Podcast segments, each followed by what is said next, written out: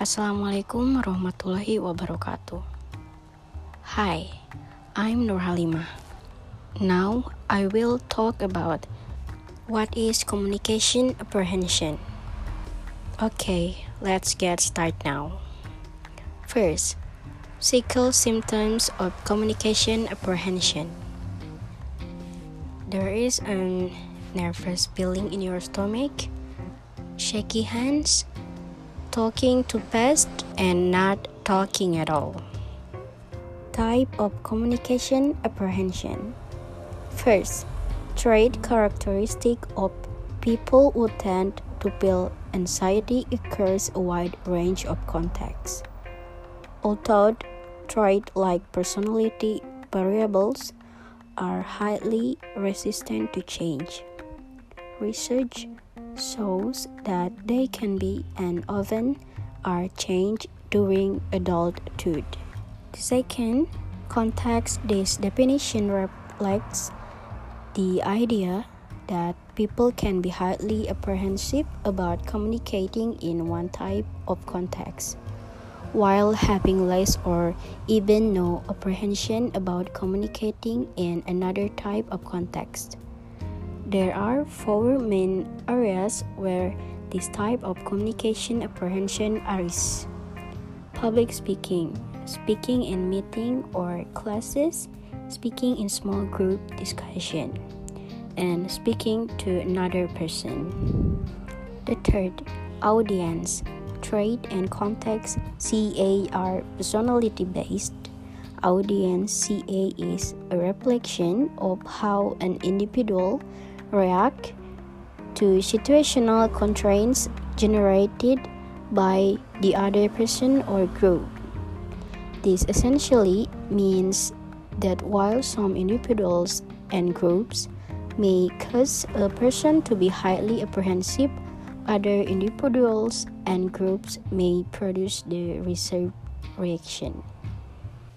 The third, situational, this essentially means that while some individuals and groups may cause a person to be highly apprehensive, other individuals and groups may produce the reserved reaction. The fifth, an additional consideration length of acquaintance is a major consideration in the type of communication apprehension experience, while personality orientation play a more significant role in early stage of meeting someone and communication apprehension experience as the relationship develops will largely be related to situational constraints. What causes communication apprehension? There are two main causes of trait like communication apprehension heredity and environment. Children are born with certain personality predispositions or tendencies. Also, what happens in the child's environment will have some impact or the tendencies that child carries over into later life.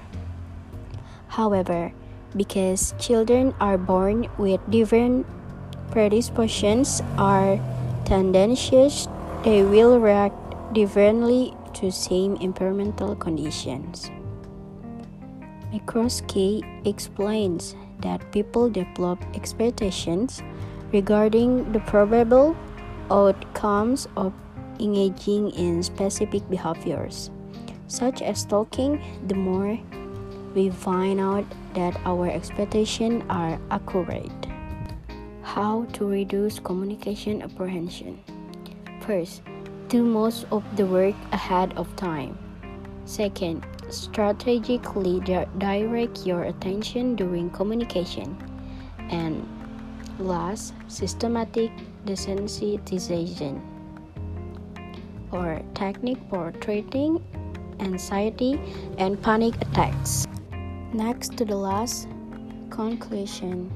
So the conclusion is this communication apprehension is an atmosphere that makes a person feel anxious when communicating, even Physical symptoms such as a shaking body or sweaty hands add to nervousness during public speaking.